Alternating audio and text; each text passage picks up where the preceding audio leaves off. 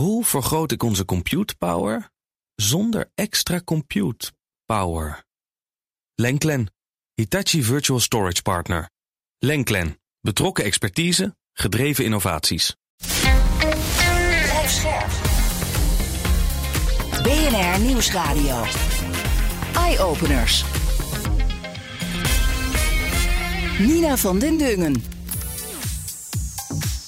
Een nieuw jaar, barstensvol eye-openers. Wordt dit jaar bijvoorbeeld de doorbraak van pakketbezorging met drones? Maakt het kabinet eindelijk de weg vrij voor serieuze warmteopslag in Nederland? En met de komst van tools als ChatGPT neemt het gebruik van AI een serieuze sprong richting het grote publiek bij mij geen tekst de deur uit zonder dat ik het door Grammarly heb gehaald. Dat is ook gewoon een AI-schrijftool. Die het even vertaalt? Nee, die de tone of voice, uh, die daar aanbevelingen over geeft. De grammatica, spelling, echt, echt vele malen beter dan wat er in Word zit. In deze allereerste uitzending van het jaar kijken wij naar wat ons allemaal te wachten staat in 2023. Dat doe ik onder meer met experts die vorig jaar bij ons te gast waren. Zij vertellen ons wat hun eye-opener van 2023 wordt. We gaan in de toekomst gaan we natuurlijk ook zien dat er uh, pakketjes met, uh, met drones uh, bezorgd gaan worden. dat zullen eerst ja, relatief kleine drones zijn. En later gaan we het ook echt hebben over vrachtvervoer en zelfs passagiers over een aantal jaar. En voor de nodige duiding, kritiek en vermaak heb ik ook twee studiogasten uitgenodigd. Namelijk Deborah Nas, innovatie-expert en professor aan de TU Delft op het gebied van technologische innovaties. Welkom. Dankjewel, bedankt voor de uitnodiging. En de tweede gast is onze eigen eye-openers tech-redacteur Stijn Gozens, de sterke kracht achter de schermen. Welkom in de uitzending, Stijn. leuk om een keer voor de schermen te zijn. Nou, het werd ook hoog tijd. en mijn naam is Nina van den Dungen. Welkom bij BNR Eye-openers. Deborah, om met jou te beginnen. Eerst altijd heel even kort terugkijken voordat we dan naar al die trends van dit jaar gaan kijken. Was 2022 een goed jaar voor de Nederlandse innovaties? Ja, ik denk dat het best een goed jaar is geweest. Um, we hebben uh, heel veel uh, nieuwe start-ups gezien. Uh, er is redelijk wat funding vrijgekomen, ook op energietransitie. veel nieuwe dingen, veel grote stappen vooruit. Bijvoorbeeld uh, Flow-batterijen van Elestor die dan 30 miljoen ophaalt. Wat voor een Nederlandse start-up gewoon echt wel veel geld Heel veel geld, 30 miljoen, daar kan je ook echt wat mee. Ja. Verwacht jij dat dit ook echt het jaar wordt dat de energietransitie een flinke slag weer gaat maken? Nou, ik hoop het. Want we hebben zo'n probleem dat als we niet echt vaart gaan maken met z'n allen, dan, uh, ja, dan gaan we dat allemaal merken. We gaan straks uh, verder praten over energie. Um, heb jij sowieso een voorbeeld van een innovatie die afgelopen jaar echt is doorgebroken?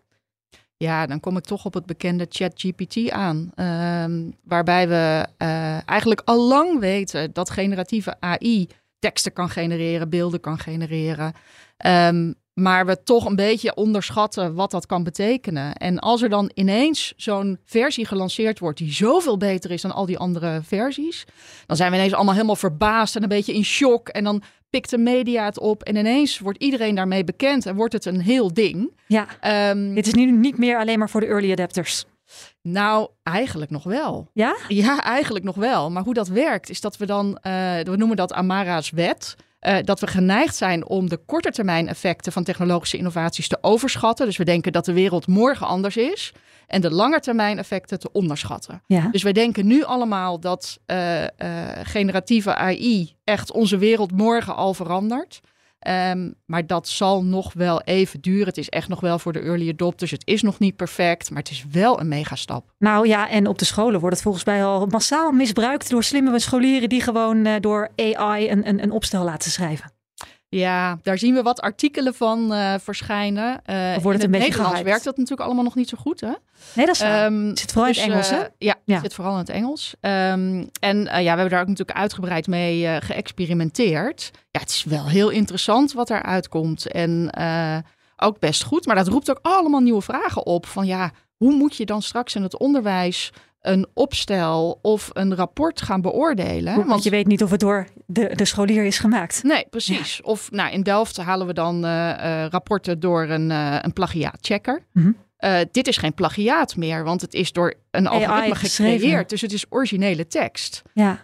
Um, maar ja, wat betekent dat dan? En, maar er ook voor degene die het gebruikt, is het wel waar? Ja. wat eruit komt. Ja, dat is waar. Je moet ook durven vertrouwen dat AI het bij het juiste eind heeft. Als Ja. jij een opstel schrijft over de Franse revolutie. Ja. Hm. Stijn, welke doorbraak staat voor jou bovenaan als we even terugblikken op 2022? Ja, als ik terugblik op 2022, dan denk ik ook dat het Amara-effect bij mij heel erg speelt. Want elke aflevering van Eye-Openers denk ik ook weer van, ik moet wel oppassen dat ik niet te veel uh, gehyped raak door wat er allemaal verteld wordt. Maar wat, wat, wat mij heel erg opviel was, cybersecurity is echt een heel erg groot uh, thema geweest uh, dit jaar. We hebben ook een hele leuke aflevering gehad over datadelen. En ik denk dat dat vorig jaar, uh, daar hebben we het afgelopen jaar over gehad. Ik denk dat dat komend jaar juist heel veel impact gaat hebben. En dan data delen tussen bedrijven ja, onderling. Ja, maar die dus, zitten toch heel erg op hun eigen data. Dat, dat, dat wil je toch voor jezelf houden, commercieel Precies, gezien? en die privacy, daar hebben, daar hebben we dit, dit afgelopen jaar dus heel erg veel over gehad. Maar ik denk dat we daar dus veel opener in moeten gaan zijn. En dat datadelen steeds belangrijker gaat worden. En dat was voor mij wel een eye-opener vorig jaar juist. Ja, we hebben ook gebeld met een aantal experts die wij het afgelopen jaar in de uitzending hadden. Joris Kornleef is er daar één van. Hij is expert energieopslag bij TNO. Uh, mogelijk ken je hem nog van onze aflevering over de gigabatterijen.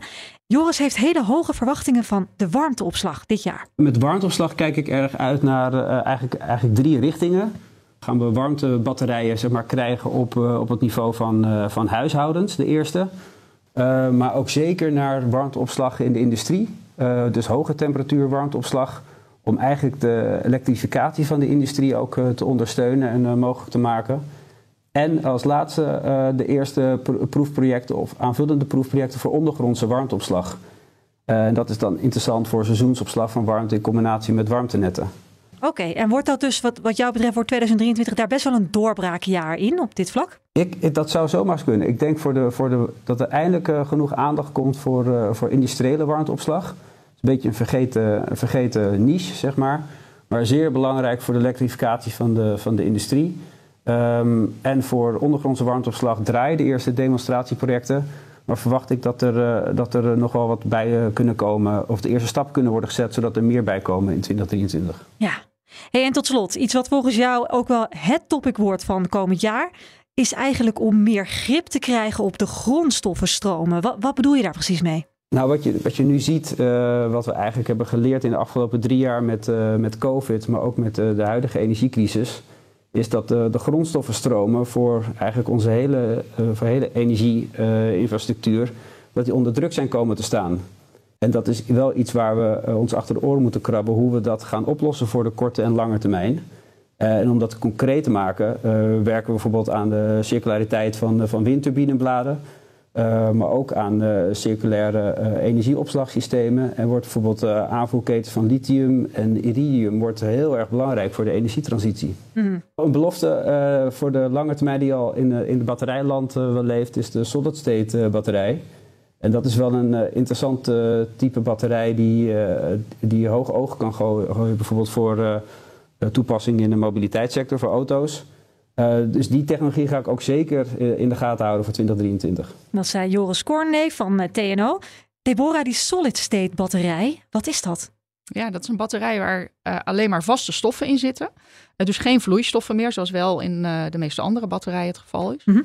En daarmee kun je, is, hij, is hij niet ontvlambaar, dus uh, uh, veel minder brandgevaar in het geval van een ongeluk, bijvoorbeeld met een auto. Uh, je kunt een hogere energiedichtheid halen en het houdt ook wat langer de energie vast, dus minder zelfontlading noemen we dat. Mm-hmm. Um, ja, en dat is wel de grote belofte in batterijland. want een hogere energiedichtheid betekent of, als je het in een auto bekijkt, Grote verder rijden. Yes, ja. ja, of uh, lichtere auto en daarmee een zuinigere auto en daarmee ook weer verder rijden. Ja, het is niet en-en. Uh, nou ja, nee. Het is ergens of je stopt er, uh, je, je houdt meer volume veel hoeveelheid in. capaciteit, Mm-hmm. maar een de auto wordt er lichter van. Ja. of je schaalt de capaciteit op, je kunt veel verder rijden. Ja, als ik dan mag kiezen, dan ga ik toch voor het verder rijden. Ja, dan kan ik eindelijk een keer naar Frankrijk Ja. in plaats van... Ja, dat zou heerlijk zijn. Ja. ja. En een aantal uh, start-ups die daaraan werken, die zitten dan ook op wat we noemen het ultra-fast charging. Ja. Um, dus dan kun je bijvoorbeeld in, de belofte is dan in vijf minuten 160 kilometer tanken. Zo, dat is inderdaad ook wel echt een hele verbetering ten opzichte van wat er nu kan. Ja. En als je kijkt naar de ontwikkeling in batterijen, dan vlakt het aantal patenten op, uh, uh, op de gewone batterijen af, op uh, lithium-ion.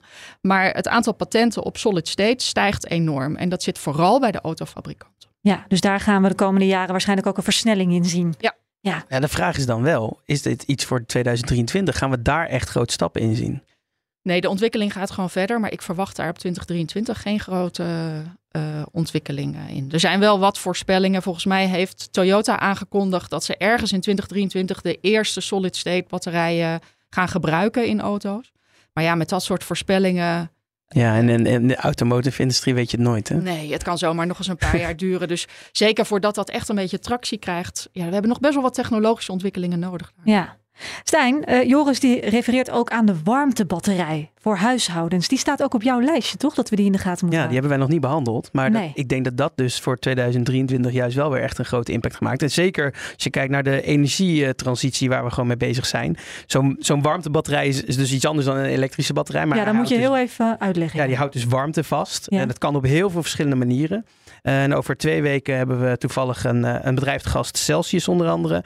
En die doet dat met zout. Die weet zout dus zo eh, te gebruiken dat het warmte e-, enorm goed kan vasthouden. En ook uh, nou, weer kan uh, weggeven en dat weer opnieuw kan doen. Maar daarmee wordt het eigenlijk een soort cv-ketel. Het wordt een vervanger voor gas. Je kan gewoon met een warmtebatterij kun je, je huis verwarmen. Exact. En warm douchen. Ja, en met, met duurzame energie. Want je haalt die warmte ergens anders op waar het dus over is. Ja. En dan kan je het dus in je huis weer gebruiken. Je kan hem zelfs op zonnepanelen aansluiten, Precies. hebben ze begrepen. Dus dat is een fascinerend. Daar gaan we over twee over weken, twee dus, weken uh, meer. over ja, hebben. Zeker. Deborah, die, die thuisbatterij die bijvoorbeeld wel op elektra werkt die is eigenlijk hier in Nederland een stuk minder normaal. Sterker nog, maar een paar honderd Nederlanders hebben dat dan bijvoorbeeld in Duitsland. Dat heeft natuurlijk allemaal te maken met die salderingsregelingen. Het is voor mij financieel gezien veel aantrekkelijker om terug te leveren aan het net. Dat is eigenlijk de batterij, want krijg ik er geld voor terug. In plaats van mijn eigen batterijtje thuis te hebben en mijn over, overtollige energie op te slaan. Zeker, maar dat is eindig. Uh, en op het moment dat die uh, salderingsregeling eraf gaat, ja, dan worden ineens huisbatterijen wel interessant. En zal de uh, de adoptie ook enorm versnellen, denk ik. Um, maar ook hier blijft het natuurlijk wel een beetje voor de, voor de mensen die het kunnen betalen. Ja, want zo'n batterij is ook weer prijzig. Ja, ja, en dat heeft ook wel weer een relatief lange terugverdientijd. Dus, hm. uh, uh, en je hebt er alleen maar wat aan als je ook zonnepanelen hebt. En dat zijn per definitie toch al de mensen die het zich kunnen veroorloven. Um, dus ja, dat uh, gaat ook nog een paar jaar overheen voordat je gaat zien dat dat ook naar de massa gaat, zo'n ja, thuisbatterij. Ja, maar ja. ik denk wel, kijk, met, met technologische innovaties is het heel vaak zo dat je in het begin toch echt wel die financiële prikkel nodig hebt. Subsidie. Of een, ja, subsidie ja. of een straf. Dat kan natuurlijk ook. Hè? Oh, ja. Um, uh, dus een CO2-tax of een, mm. uh, nou, denk het maar. Um, en zodra die er komt, dan gaan mensen ineens hun gedrag veranderen. Helaas zou je eigenlijk zeggen, je zou willen dat dat een buiten een soort intrinsieke motivatie komt, omdat het beter is voor de wereld. Maar in de praktijk zie je toch gewoon uh, dat, dat de financiële prikkel enorm helpt. Ja, Stijn, wat gebeurt er nog meer qua batterijontwikkeling als we dan even kijken gewoon naar Nederland? Nou, over financiële prikkels gesproken. In Nederland zijn we dus heel erg bezig met die nieuwe batterijen. Dus de, niet de batterij lithium-ion die we kennen, maar de volgende generatie batterijen. En daar hebben we in 2022 een aflevering over gemaakt, samen met Rutger van, Poppel. Die spraken we nu weer. Uh, hij is in Nederland bezig in 2023 om grote stappen te zetten met een batterij-ecosysteem, samen met het Battery Competence Center. En uh, verschillende partijen werken daar samen aan ook een nationale batterijstrategie. Uh, waarvoor ook echt honderden miljoenen uh, euro's nodig zijn. Een nationale batterij. Strategie. Ja, een, een, Nederlandse batterijproductie en een batterijketen. Dat wij er veel partijen. groter in gaan worden dan Zeker. we nu zijn. Ja, Rutger legt uit wat die strategie inhoudt. Nou, dat behelst eigenlijk twee hoofdzaken. Namelijk een uh, strategie om duurzame batterijtechnologie te ontwikkelen en op te schalen. En als tweede een, een grondstoffenstrategie. Dus in Nederland zorgen dat we uh, toegang hebben tot kritische materialen, middels uh, in dit geval batterijen. Ja, want wat is dan uh, de eerste activiteit die gaat gebeuren als dat geld binnen is? Om een voorbeeld te noemen, even los van de volgtijdelijkheid, is dat er bijvoorbeeld een centrale Nederlandse faciliteit opgezet wordt voor duurzame nieuwe generatie batterij celontwikkeling. En dat, uh, nou, dat is dan een enorm uh, belangrijke speel in het web om die Nederlandse bedrijven zoals Leidenjar, die we vorige keer ook in de show hadden, om die uh, op te schalen en succesvol te maken. Ja, en daarmee slaan dus eigenlijk allemaal losse partijen samen de handen ineen om dat te bereiken. Exact, exact. Ja, en dat dan op duurzame batterijtechnologie, zodat je ook in de nieuwe technologie minder uh, kritische materialen gebruikt. Waardoor je bijvoorbeeld uh, dus uh, minder afhankelijk wordt van die internationale toeleverketen. Waar kijk jij verder naar uit? Wat zijn nou de grote ontwikkelingen op het vlak van de duurzame batterijen dit jaar? Um, nou, wat, re wat, relevant is en erg mooi is om te zien dat mede omdat Europa dus minder afhankelijk wil worden, dat productie ook uh, lokaler plaats gaat vinden en dus ook dicht bij, uh, bij de klanten. En dat heeft als resultaat dat je uh, grootschalige productieactiviteiten nu ook in Nederland ziet, ziet landen. Um, een voorbeeld daarvan is in Helmond, waar Eleo batterijmodules en pakketten gaat produceren.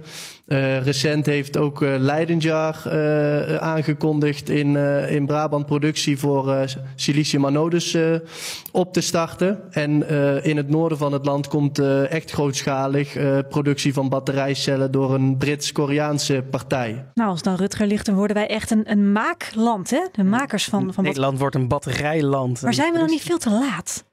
Nee, want dit zijn de nieuwe generatie batterijen. Ja, ja. Wij focussen ons juist op wat hierna komt. En ik denk dat we dan juist nu misschien net op tijd zijn ook.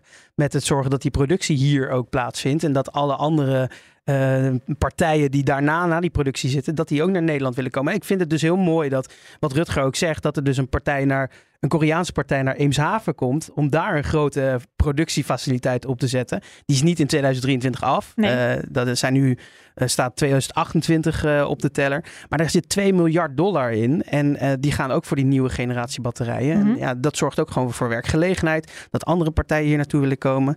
En dat we hopelijk ook gewoon zo meteen vaste stofbatterijen in Nederland maken. Ja, dat is wel fascinerend, Deborah. Aan de andere kant vraag ik me ook af, kunnen wij dan echt Azië verslaan? Want we weten natuurlijk als we kijken naar productiekosten, dat die hier een stuk hoger liggen. Ja, kijk, uiteindelijk is het als je alles terugrekent naar kosten, uh, dan blijven we de verkeerde keuzes maken.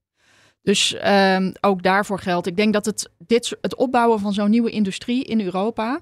Uh, want ik denk dat als Nederland alleen ga je dat niet redden. Je moet op een Europese schaal kijken. Um, dan moeten overheden dat steunen en de Europese Commissie dat steunen. Uh, daar moet ook publiek geld in. We redden dat niet alleen met private investeerders.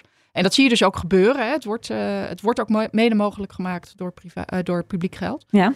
Um, ja, en dan kan het wel, denk ik. Ja, dus dan kunnen wij de Aziaten toch Als nog... we niet met z'n allen alleen maar blijven kiezen op wat is de goedkoopste oplossing. Ja, ja, en dan kun je inderdaad ook kijken naar de belangen van Nederland om te zorgen dat we niet afhankelijk meer zijn. Precies. En daar, de andere ja. kant van de wereld. En dat heeft ja. ook een waarde, alleen dat Zeker. is moeilijk in geld uit te drukken. Ja, ja we dus moeten eerst toe naar een ander beslismodel. Oké, eh, ik wil ook even naar de drones. En dan de drones als pakketbezorger. Want begin vorig jaar spraken wij met eh, Stefan van Vuren. Hij is directeur van AirHub over bezorgdrones. En hij keek toen al uit naar dit jaar. Want hij zegt eindelijk is de weg vrij voor de komst van een luchtverkeersleiding voor drones. In onze sector wordt het aangeduid als de, de geboorte van, uh, van U-Space. Uh, en U-Space is dat, uh, ja, dat, dat digitale luchtverkeersleidingssysteem voor, uh, voor drones, dus voor het lage luchtruim. Ah, je zegt digitaal, dus we gaan niet een of andere toren zien waar mensen in zitten à la Schiphol, zeg maar. Nee, zeker niet, zeker niet. Nee, en uh, dat, dat is uh, uh, ook het interessante aan dit concept. want je zegt het al, normaal heb je torens. Nou, dat zal je hier zeker niet krijgen. Het is allemaal digitaal via apps of allerlei andere soorten applicaties. Wat mag er dan allemaal met, met drones? Hè? Wat, wat, waar gaan we ze vooral zien en van wie zijn ze dan? Ja, dus nou, je ziet natuurlijk nu al heel veel drones, voornamelijk voor inspecties. Hè? Dus heel, veel, heel veel infrastructuur wordt het al, al gebruikt. Rijkswaterstaat, door, ja. Rijkswaterstaat bijvoorbeeld, maar ook veel andere overheidsdiensten zoals politie en brandweer, first responders zoals we dat noemen. Maar we gaan in de toekomst gaan natuurlijk ook zien dat er pakketjes met, met drones bezorgd gaan worden. dat zullen eerst ja, relatief kleine drones zijn. En later gaan we het ook echt hebben over vrachtvervoer en zelfs passagiers over een aantal jaar. Maar die pakketjes, gaan we dat dit jaar al zien als er dus inderdaad een luchtverkeersleidingssysteem is? Durf ik nog te betwijfelen. Het, het wordt, de wetgeving is er. en, en het grappige is dat zwaar de wetgeving een keer enigszins voorloopt op de techniek. Het is ook een beetje, hangt met elkaar samen natuurlijk, een soort kip-ei verhaal. Uh, want de uh, wetgeving is er straks wel, alleen de standaarden waarop de techniek dan gebaseerd moet worden, ja, die zijn nog niet helemaal uitgewerkt. En dus dat betekent ook dat de industrie nog ja, de nodige dingen moet uh, ontwikkelen technisch en moet testen voordat het daadwerkelijk ehm, ja, er is. Dus dat zal echt nog wel een, nou, een jaar, anderhalf jaar duren voordat we echt ja, in de praktijk zo'n systeem gaan zien. En dat er dus ook echt uh, ja, pakketbezorging uh, gevlogen kan worden. En dat zal dan echt op grotere schaal zijn. Het is toch grappig wat Stefan van Vuren zegt, Deborah. Dat de techniek hier voor de verandering een keertje achterloopt op, Ja. op de wetgeving. Dat de wetgeving gewoon sneller is. gebeurt bijna nooit. Nee, toch? Nee, nee. En dit is wel, kijk, ter- meestal eh, versnelt innovatie ofwel omdat er een technologie volwassen wordt, ofwel omdat er regelgeving komt, of omdat er financiële middelen worden vrijgemaakt die een stimulans geven. Mhm. Eh, in dit geval is al die regelgeving een uh, belangrijke factor zijn. Um, ik vraag mezelf altijd af, en ik weet er onvoldoende van, hoe nou die business case eruit ziet rondom het bezorgen met drones. Dus je ziet het in Amerika wel al gebeuren. Uh, dus um, uh, Amazon en Walmart, die bieden het al commercieel aan. Ja? Dus je kan voor 4 dollar kan je je pakketje met een drone laten bezorgen in een aantal steden. Uh, en dat kunnen alleen kleine pakketjes zijn. Dus in het geval van Amazon is dat 2,2 kilo en van Walmart is het 4,5 kilo. Mm -hmm. Um, ze beweren dat dat het merendeel, meer dan 80% van hun pakketjes is. Uh, of dat klopt, dat weet je natuurlijk niet, hè, dat soort claims. Um, maar ja, in Amerika kun je gewoon zo'n tuin invliegen en het pakketje droppen. Dat doe je ja. dan ook. Ja. Hoe doe je dat in een stad als Amsterdam bijvoorbeeld? Omdat of, niemand een tuin heeft. Ja, bijvoorbeeld. Nou ja, dat is inderdaad mijn volgende vraag. Is het iets wat wenselijk is? Ik kan me inderdaad voorstellen voor misschien niet de stenen, maar juist wat verderop dat het best wel interessant is, hè, waar mensen inderdaad wel gewoon een grote tuin hebben. Is dat iets waarvan jij zegt, nou, ik zou daar best gebruik van willen maken? Nou, voor mij als consument maakt het me eigenlijk niet uit hoe mijn pakketje bezorgd wordt, als hij maar bezorgd wordt in, uh, in goede staat. Ja. Dus um, ja, wat ik vorig jaar is er een concept gelanceerd door Renault Trucks. En uh, dat is nog een concept, dus die gaat niet in productie, maar het is een soort elektrisch busje. Uh, waar ook een elektrische bakfiets in zit en een drone. En die Mhm. bakfiets en die drone die worden dus in dat busje ook weer opnieuw opgeladen. Dus dat busje dat rijdt naar de rand van een stad, dat is dan het idee. Ja. Dan gaat die elektrische bakfiets eruit. Dan kan in een wijk dat gebruikt worden. En op plekken die moeilijk begaanbaar zijn of wat meer uh, zeg maar buiten de stad zou je dan nog die drone in kunnen zetten. Mhm. En ja, dat soort concepten zullen we wel veel meer gaan zien. Uh, gewoon ook om te experimenteren. Wat is nou de optimale mix en hoe werkt dat? En hoe pakt dan zo'n business case ja. uit? Maar jij ziet het inderdaad niet direct in een stad als Amsterdam gebeuren. Nog Nee. ingewikkeld. Nee. Ja, die, wet, die wetgeving die nodig ook gewoon uit voor experimenten inderdaad. En ik denk dat het een tussenstap is en dat we uh, misschien niet pakketjes gaan bezorgen, maar dat we uiteindelijk wel gewoon naar, ergens naartoe moeten dat we personen kunnen gaan vervoeren in de lucht. En dan is zo'n wetgeving voor pakketjes of voor drones, uh, voor een uh, luchtverkeerslijnsysteem gewoon een eerste goede stap. En ik verwacht wel dat er bijvoorbeeld op het gebied van medische apparatuur Ja. of uh, medicijnen, organen, dat dat wel iets is waar een business case zit. Ja, ja medische eh, toepassingen, daar is natuurlijk urgentie. Spoed. Eh, ja. Spoed, ja. Eh, en er is eh, vorig jaar wel zo'n, of in oktober 21, zo'n pilot gedaan in Toronto. Hè, met een long die eh, van het ene ziekenhuis naar het andere ziekenhuis is gevlogen voor Mhm. transplantatie, wat succesvol is verlopen. Ehm, maar dat zijn ook allemaal nog ja, uitprobeersels en pilots. Ja. Eh, en dat was dan een stukje van anderhalf kilometer. En die over- wetgeving maakt dus meer mogelijk dan alleen die pilots nog. Ja, dus daar zien we dan wel dit jaar een doorbraak. Of Ja. dan ook te- tegelijkertijd letterlijk de pakketten door de lucht vliegen. Dat gaat nog wat langer op zich laten wachten als ik jullie zo beluister. Dat denk ik wel. Ja. Ja. Eye-openers. Nina van den Dungen. Je luistert nog steeds naar Eye-Openers met een speciale nieuwjaarsaflevering waarin we vooruitblikken op de Eye-Openers van dit jaar 2023. En dat doe ik met Eye-Openers redacteur Stijn Goosens en met Deborah Nas, innovatie-expert en professor aan de TU Delft. We moeten het natuurlijk zeker ook even over innovaties in de zorg gaan hebben. Deborah, dat is ook wel best wel jouw terrein, heb ik me zo laten vertellen. Ehm, kunstmatige intelligentie in de zorg. Jij verwacht voor dit jaar dat dat best wel grote stappen gaat zetten in de zorg, toch? Ja, ik denk dat AI eh, is echt een technologie toch wat, wat behoorlijk volwassen aan het worden is. En er is in de zorg, vooral op het ontwikkelen van medicijnen, ongelooflijk veel te winnen. Ehm, dus eh, die eerste fase, wat we dan de drug discovery fase noemt, dat, dat is nu eigenlijk een soort trial and error proces in een lab, in een petrischaaltje. En, ehm, en dat is heel arbeidsintensief. Ehm, en met AI worden er nu grote stappen gemaakt om dat proces eigenlijk te versnellen. Mhm. Uh, en uh, je ziet dat de grote partijen, een van de grootste investeringsdeals van het najaar, uh, was een Amerikaanse AI drug discovery startup. En die, uh, die zetten zich daar helemaal op in. En die sorteren ook al voor op de toekomst, op de komst van quantumcomputers. En hebben dus ook een quantum computing start-up overgenomen. Ja. Um, om die kennis naar binnen te halen. Want we verwachten dat dat daar een enorme toegevoegde waarde kan hebben. Ja, want wat, wat, het quantum is nog wel wat verder weg, hè? Ja, ja dat, we verwachten dat het nog zeker tien jaar duurt voordat we echt een sterke, grootschalige quantumcomputer hebben. Maar op weg daar naartoe worden die natuurlijk steeds beter en steeds krachtiger. Mm -hmm. En ga je hybride toepassingen zien, uh, waarbij je sommige dingen op een wat kleinere quantumcomputer doet en andere dingen bijvoorbeeld op een supercomputer. Ja. Stijn, wat zie jij allemaal qua innovaties in de zorg? Nou, kijk, uiteindelijk moet een innovatie ook een probleem oplossen. En een van de grote problemen in de zorg is natuurlijk personeelstekort. Ja. Ehm, en ik verwacht dat we dit jaar ook wel weer veel zullen gaan zien op robotisering, automatisering. Mede ook um, door AI. Maar ook gewoon bijvoorbeeld heel simpel een app die je thuis al uh, kan gebruiken. Zodat je niet eens naar de dokter meer toe hoeft. Dat soort elementen zullen, zullen komend jaar veel, veel rol gaan spelen. En ik denk ook dat in de ziekenhuizen zelf veel meer geautomatiseerd gaat worden. Dat uh, administratie veel minder een rol zal gaan spelen. Oh, dat zullen uh, heel veel artsen en verplegers heel fijn vinden. Ja, dat ho ik hoop dat het dit jaar gebeurt voor hen in ieder geval. Ja. Um, en, en uiteindelijk, uh, we, hebben, we hebben ook uh, Berend van Meer gesproken. We hebben hem in een aflevering vorig jaar gehad over organ on a chip. Uh, dat is iets wat, waarbij je een orgaan um, of een medicijn kan testen op een orgaan. Terwijl dat orgaan niet in een petrischaaltje zit. maar dat het eigenlijk op een computer ge gekoppeld is. Beetje zoals je met AI ook kan werken, zoals jij al aangaf.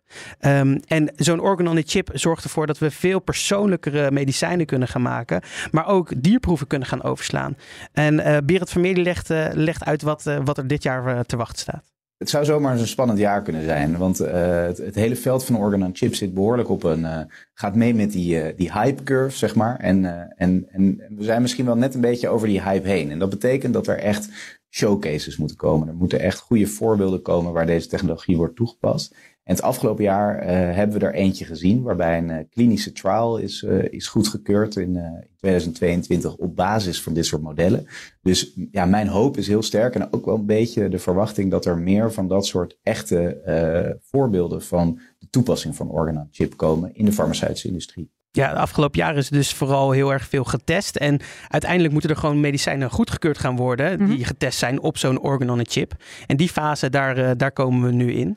En als die medicijnen uiteindelijk goedgekeurd worden, goedgekeurd worden, dan kunnen we uiteindelijk dus veel gerichtere medicijnen gaan maken. Die getest zijn alsof ze echt op mensen getest zijn. En dat voorkomt dus ook veel dierenleed. En dus nu is in Amerika al een eerste showcase eigenlijk van geweest. En ik verwacht dat ook in Nederland met Nederlandse partijen, want die zijn er ook druk mee bezig, dat er wellicht dit jaar ook alweer nieuwe nieuwe showcases komen. Ja, ja, kijk jij daar ook met interesse naar de woorden? Ja, ik volg dat met veel interesse. Ja, het is, uh, weet je, al die stappen in het ontwikkelen van uh, het nieuwe medicijn. Ten eerste, we hebben het heel hard nodig, want we hebben heel veel ziektes en we worden met z'n allen steeds ouder. Uh, het ontwikkelen van die medicijnen is extreem kostbaar, duurt heel lang en heeft ja. een hele hoge faalfactor. Dus meer dan 90% van de projecten mislukt. Ja, dat kost bakken met geld. Ja. ja. Dus op het moment dat je dat met behulp van technologie, digitale technologie, beter kunt doen, ja, dan hebben we gewoon heel veel te winnen met z'n allen. Ja. Nou hadden we het net al over drones. Uh, ik wil ook nog even wat hoger de lucht in met jullie.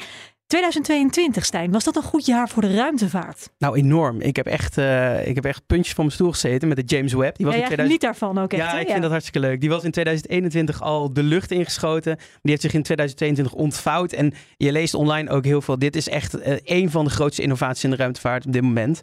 Uh, en in 2022 hebben we veel foto's gezien. Van die James Webb-telescoop. Ja, maar wij spraken met Ewine van Dishoek aan de telefoon. En zij vertelt over komend jaar wat daar allemaal nog te wachten staat. Het afgelopen jaar was natuurlijk ontzettend spannend, de lancering en toen de allereerste beelden die we kregen in midden juli. Uh, wat we nu gaan kunnen doen eigenlijk in het komende jaar is de echte wetenschap met uh, web. Uh, want prachtige foto's, dat is één ding, maar nu moeten we de echte wetenschap ermee gaan doen. En we gaan leren over bijvoorbeeld de atmosferen van exoplaneten. Daar zijn al heel veel nieuwe resultaten over, over hoe die planeten worden gevormd. En ook over de allereerste sterrenstelsels. Uh, ook daar krijgen we steeds meer informatie over. En uh, nog even helemaal buiten de web. Zijn er nog andere dingen qua gewoon innovaties in de ruimte die jij nou lettend in de gaten gaat houden in 2023? Nou, absoluut. Uh, want uh, Web is één uh, geweldig flagship. Maar er komt nog een andere grote nieuwe missie aan. Die eind dit jaar wordt gelanceerd. En dat is de Euclid-missie. die gaat de donkere energie en de donkere materie verder in kaart brengen. daar ben ik zelf niet bij betrokken, maar wel mijn collega's bij de Sterrenwacht. En ja, die kunnen ook niet wachten totdat die missie wordt gelanceerd. Maar wat betekent dat? De zwarte gaten gaan we ontdekken? Nou, we weten inmiddels dat het universum voor ongeveer 4% bestaat uit wat we kunnen zien. Namelijk uh, de materie die bijvoorbeeld ook James Webb uh, waarneemt, atomen en moleculen. het gas en het stof. Uh, maar een heel groot deel van het universum dat bestaat uit zogenaamde donkere materie die we niet kunnen zien. Uh, dat zijn niet alleen zwarte gaten. En daar kunnen we nog wel iets van informatie over krijgen. Maar dit is materie die zichzelf alleen maar verraadt doordat uh, de zwaartekracht wordt uitgeoefend. En dan is er ook nog de donkere energie. Die is nog meer mysterieus. Uh, waarvan we nog geen eens een idee hebben van uh, waaruit dat uh, bestaat. Dus ja, dat wordt ook weer een hele spannende missie. Ja, dus we gaan eigenlijk meer leren over het ontstaan van onszelf. Ja, absoluut. Zowel dicht bij huis, maar ook helemaal bij het begin van het universum. maar een paar honderd miljoen jaar na de oorknal. Mooi. Deborah, er gebeurt op ruimtevlak duidelijk van alles. Aan de andere kant zie jij daar ook wel de nodige problemen in, hè? in de drukte in de ruimte. Ja, ja space is niet helemaal mijn, uh, mijn specialisatie. Uh, maar mijn manier om te begrijpen wat gebeurt er in een sector... is om eigenlijk altijd goed te volgen waar gaat het geld heen. Het investeringsgeld. Mm -hmm. Uh, en het afgelopen jaar zag ik daar toch een nieuwe categorie opkomen in die space business. En dat zijn start-ups die zich bezighouden met duurzaamheid in de ruimte. Door um, uh, satellieten, zeg maar, uh, nieuwe um, brandstof te geven of te repareren. Ja. En start-ups die zich bezig gaan houden met het opruimen van de space junk. Van het ruimtepuin. Ja. ja. De troep van Elon. nee. nou, en ons allemaal. Want het is echt, we hebben eigenlijk nog nooit iets opgeruimd in de ruimte. En al die stukjes, die botsen met elkaar. En dat worden steeds kleinere stukjes. Uh, er zijn enorme stukken ter grootte van een deel van een raket. Maar er zijn ook hele kleine stukjes. En die bewegen zeg maar tien keer sneller dan een kogel. Mm. En op het moment dat die een satelliet raken, ja, dan, of, een, of zo'n uh, telescoop, dan kan die stuk gaan. Ja. Dus dat is een enorm probleem. En als je dan weet dat we de komende tien jaar ergens tussen de 30 en 50.000 satellieten willen lanceren, dan levert dit gewoon een groot gevaar op. Ja. ja. je krijgt een hele hoop junk in de ruimte. Uh, dus ja, ik vind dat heel interessant. hoe ga je dat dan doen? Uh, uh, dus er zijn allemaal verschillende concepten voor. En ehm, eh, er is ook net afgelopen jaar een Delftse start-up gelanceerd met drie jonge dames. Dat vind ik dan heel stoer. Drie jonge dames in de space. Uh, die software maken om um, uh, spacepartijen te helpen om te navigeren, om niets te raken. Ja. Um, en die in de toekomst ook met dat junk bezig gaan. Ja, heel interessant. Ja, dus dat moeten we in de gaten houden, omdat daar dus ook een heel nieuwe business case uit rolt. Ja, het is eigenlijk een heel nieuw, nieuw categorie, ja, zou je kunnen Ja, is interessant. Stijn, we hebben ook een aflevering gehad vorig jaar over satellieten. En ook hoe het steeds makkelijker wordt voor de tussen aanhalingstekens gewone bedrijven om oep, een satellieten laten en nog lanceren. Meer, uh, de zooi de lucht in. Nou ja, is, is het een trend die zich gaat doorzetten? Nou, het is wel heel belangrijk ook, al die satellieten. Dus het is ook goed dat we het opruimen, want er gaat ook steeds meer de lucht in komen. Wat je, wat je nu ziet is dat die satellieten steeds meer gaan doen voor ook de klimaatcrisis. Of om dat tegen te gaan in ieder mm -hmm. geval. Satellieten die veel beter zien waar, uh, waar de uitstoot is. Uh, waar gewassen bijvoorbeeld ook groeien en waar je beter, beter die gewassen nog moet, moet verzorgen. en ook Defensie heeft de ruimte onwijs hard nodig. Die hebben toevallig begin dit jaar uh, net weer twee nieuwe satellieten de lucht ingestuurd. Samen met Noorwegen. Die ze ook weer gaan gebruiken uh, voor, nou ja, voor defensiedoeleinden. Mm. Uh, dus je zal zien dat die, die commerciële satellieten. En ook de commerciële partijen die die satellieten weer de lucht in, inbrengen. Dus SpaceX bijvoorbeeld. Die gaan nog, nog meer invloed hebben op hoe het in de ruimte eruit ziet. Ja. We gaan er uh, natuurlijk niet omheen kunnen. We hebben het al een paar keer genoemd, kunstmatige intelligentie. Nu wil ik er iets dieper op ingaan. Remy Gieling is oprichter van de website AI.nl.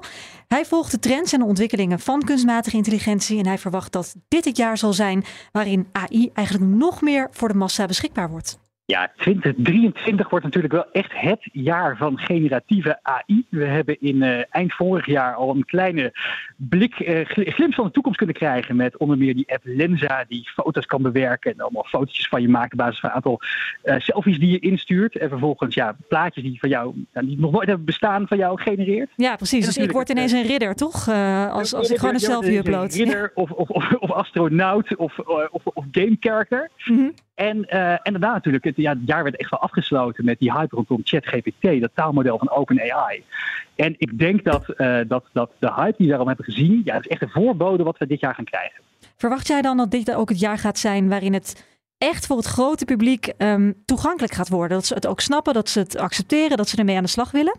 Ja, ik zie het wel een beetje als, in ieder geval ook voor, voor, voor, de, voor de zakelijke professional, uh, dat ChatGPT als het Sputnik-moment van het, uh, dat besef van, oh jee, AI is hier, het is here to stay. En we kunnen er al ongelooflijk veel mee. We hebben het afgelopen jaren heel veel gezien van AI wat onder de motorkap zat bij heel veel grote techbedrijven. Van de Google-algoritmes tot uh, voorspellende modellen in Salesforce. Maar daar had je vaak niet zo, ja, je had het vaak niet zo door als, als professional dat, dat, dat daar AI voor werd gebruikt. En met die taalmodellen is in één keer duidelijk van... hé, hey, wacht eventjes, we zijn al ongelooflijk ver hiermee. Remy Gieling zei dat. Uh, Deborah, denk jij dat het vooral dit jaar gaat doorbreken bij het grote publiek voor de leuk? Of gaat het nuttig zijn?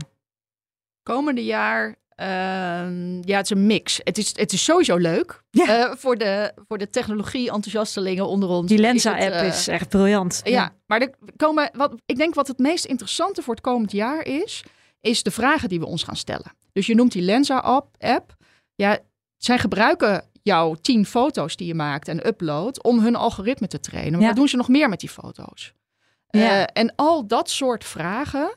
Uh, Privacy. Ja, en ik vind het ook heel interessant dat al die, die plaatjes die ik dan terugkrijg. Uh, ik heb altijd een beetje van die grotere TikTok-ogen. En uh, er wordt ook een bepaald zeg maar, beeld neergezet. Hè, de mooiere versie van jezelf. Van wat we op dit moment dan mooi vinden. Dus ik denk met al die generatieve toepassingen, of het nou tekst of beeld is. We krijgen of, of uh, ja, dit soort zeg maar fotobewerkingsapps. Mm -hmm. Weet je, hoe zit het met de data en de privacy? Um, wat doe je ermee? Hoe zit het met copyright? Wat is waar, wat is niet waar? Um, moeten we het gebruik daarvan beperken? Hoe gaan we checken of het wel of niet echt is? Al dat soort vragen, die gaan we ons nu massaal stellen. En ik denk dat dat de grote winst van 2023 zou moeten zijn. Ja, beleid dus ook eigenlijk. Ja. Maar uh, wat, wat ik nog wel interessanter vind is, kijk, de ChatGPT, waar Remy het ook over had, die is gebaseerd op GPT-3 uh, van OpenAI. En um, er, is al, er zijn al duidelijke geruchten dat begin dit jaar de GPT-4 alweer gaat komen. Ja. Dus dat is alweer een nog verbeterde versie van wat dat ChatGPT kan. Maar in het Engels. Uh, nou ja, ook in het Nederlands. Want dat is het mooie van, van het taalmodel van ChatGPT. Die kan heel goed vertalen ook.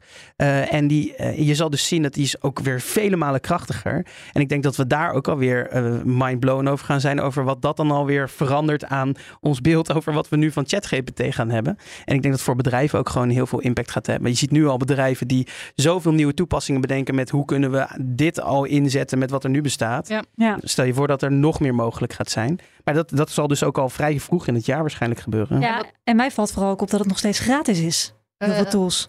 Ja, ja, maar dat is in de beta-fase. Uh, en straks wordt het betaald. Moet je tokens kopen. En met die hmm. tokens koop je eigenlijk een bepaald aantal woorden. Um, dus dat wordt straks uh, wel betaald. En dan is zeg maar de mensen die het voor de leuk doen, uh, dat daalt dan weer. Ja. Maar ik denk wat ook heel interessant is, dat je nu bedrijven ziet oppoppen, start-ups over het algemeen, die al die verschillende generatieve AI-tools combineren. Dus er is bijvoorbeeld een start-up die heet Jasper. Uh, en die is echt voor content creators. Dus uh, het helpt je schrijven, er zit en beeldbewerking in.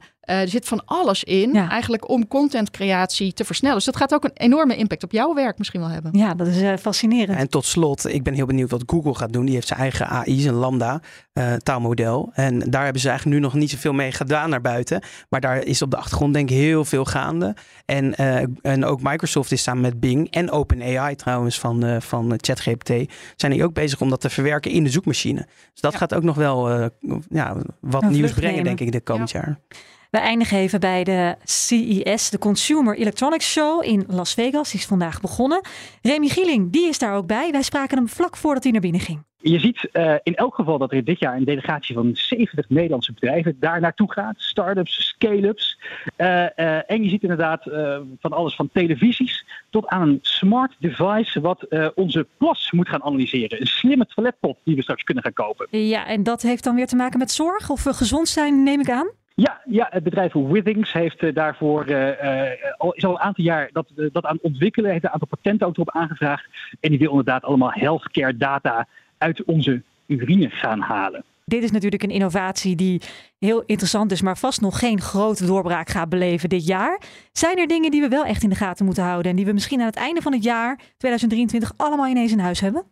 Nou, het wordt, eh, Mark Zuckerberg hoopt natuurlijk enorm op dat we met z'n allen massaal eh, augmented en virtual reality brillen eh, eh, in huis gaan halen. Ik verwacht dat dat heel erg mee zal vallen. Het wordt waarschijnlijk wel het jaar dat Apple een VR of AR-bril gaat presenteren, maar niet op deze techbeurs. Voor de rest zullen we heel veel gaan zien eh, rondom, rondom smart mobility. Dus autofabrikanten die nog meer aan het innoveren zijn om die auto's ja, gewoon computers op wielen te laten maken. En blijkbaar gaat zelfs ook het Nederlandse bedrijf Lightyear iets nieuws presenteren, namelijk de eerste glimps van de Lightyear 2. Ja, ik sla meteen even aan op Meta. Die hoopt op die doorbraak met die VR en die eh, AR-brillen. Wat is jouw inschatting, Deborah? Is dat iets wat eh, inderdaad heel veel in heel veel huizen komt dit jaar? Ja, dat, dat gaat wel groeien. Want vooral, eh, kijk, als ik naar mijn zoon kijk, ja, die heeft gewoon dat ding een paar uur op achter elkaar. Ik kan dat zelf helemaal niet. Na Met gamen? Ja, een kwartier ben ik, eh, word, vind ik het oncomfortabel worden aan Ja. mijn- hersenen en mijn ogen. Wordt een generatiekloof. Ja, dat is echt een generatiekloof. Terwijl hij zet hem alleen maar af op een gegeven moment omdat hij een warm hoofd krijgt. Ja. Eh, maar niet omdat het verder aan zijn ogen oncomfortabel Dus hij kan hier heel goed mee aan de slag. ja, en eh, ik denk dat dat, eh, dat zie je wel vaker, hè, die generatieverschillen daarin. Dus ik denk dat het onder jongeren zeker wel een grote, een grote vlucht gaat nemen. Maar ook hiervoor geldt, weet je, we denken dat, de wereld, dat we morgen met z'n allen dan in VR zitten. Zo werkt het niet. Nee. Dat, die adoptiesnelheid, dat, is gewoon, ja, dat gaat langzaam. Ehm, ik verwacht ook in de zorg wel steeds meer toepassingen, omdat daar de voordelen heel evident zijn op een aantal toepassingen, bijvoorbeeld met pijnbestrijding. Psychologie, ja. Eh, ja, Eh, en dat is natuurlijk heel interessant. Ja. Stijn, eh, als we dan over generatiedingen hebben. Jij bent nog onder de 30. Heb jij een VR-bril thuis liggen? Die nee, daar, ik kijk daar eigenlijk ook nog niet. Ik denk dat de, dat de generatie na mij dat wordt. Maar wat, wat, wat ik dus wel leuk vind aan zo'n CES is die, die laten altijd, het is echt hout op de boot, echt allemaal fantastische dingen die ze daar laten zien. Maar meestal zie je er in 2000, even in het jaar daarna zie je er helemaal niet zo heel veel van. Nee, nee. Eh, op sommige consumenten elektronica zal je, zal je zien dat er, dat er inderdaad dit jaar wat komt. En wat betreft VR en AR is ook denk ik echt afhankelijk van wat de grote partijen als Apple bijvoorbeeld eh, daarmee gaat doen. Als die iets, iets uitbrengen, dan zal het ineens in een sneltreinvaart komen. En dan zie je eind dit jaar dat iedereen met een VR-bril op zit. Maar jij weet het maar nooit, hè? dat Amaga-effect waar we het aan het Ja. begin over hadden. Ik denk wel op de langere termijn is dit een van de dingen die, die de grootste impact op ons privéleven ook gaan hebben, verwacht ik. Ja, dat we allemaal een soort avatar in een, in een metaverse hebben. Ja, ik denk dat we ons nog op dit moment er helemaal geen voorstelling van kunnen maken hoe groot die impact gaat zijn. Eh, en dat is omdat we vanuit ons huidige perspectief, we zijn altijd geneigd als we naar nieuwe techno- technologische innovaties kijken, om het te vergelijken met de situatie vandaag. En dan te benoemen wat we niet goed vinden aan die technologische innovatie. Ja. Dus weet je, Afzetten in- tegen, ja. Afzetten tegen. Ja, dus het is echt eh, een beetje, ja, nee, maar dit is geen echt contact. En we vluchten. En, En we moeten zo'n stomme bril op die niet lekker ja, zit. Mark toch gelijk krijgen, Mark, Ehm, dus Mark Zuckerberg. Wat, met welke... Met oh, gewoon met zijn metaverse. voorspelling, ja. ja. Ja, Ehm, denk je dat? Het gaat er komen. We kunnen er niet omheen. We gaan er allemaal in. Ik denk dat het. Nou, ik weet niet of we er allemaal in gaan, maar ik denk dat een heel groot deel van de bevolking, als je over een periode bijvoorbeeld. Maar nog niet dit 20 jaar. Nog niet nee, als je een periode van 10, 20 jaar kijkt, dan denk ik dat het gewoon een heel normaal onderdeel van onze wereld is. Ja. Ja, en als ik dan afrond met de vraag aan jullie. Wat hebben we dan aan het einde van dit jaar waarschijnlijk wel allemaal al in huis, Deborah? In huis.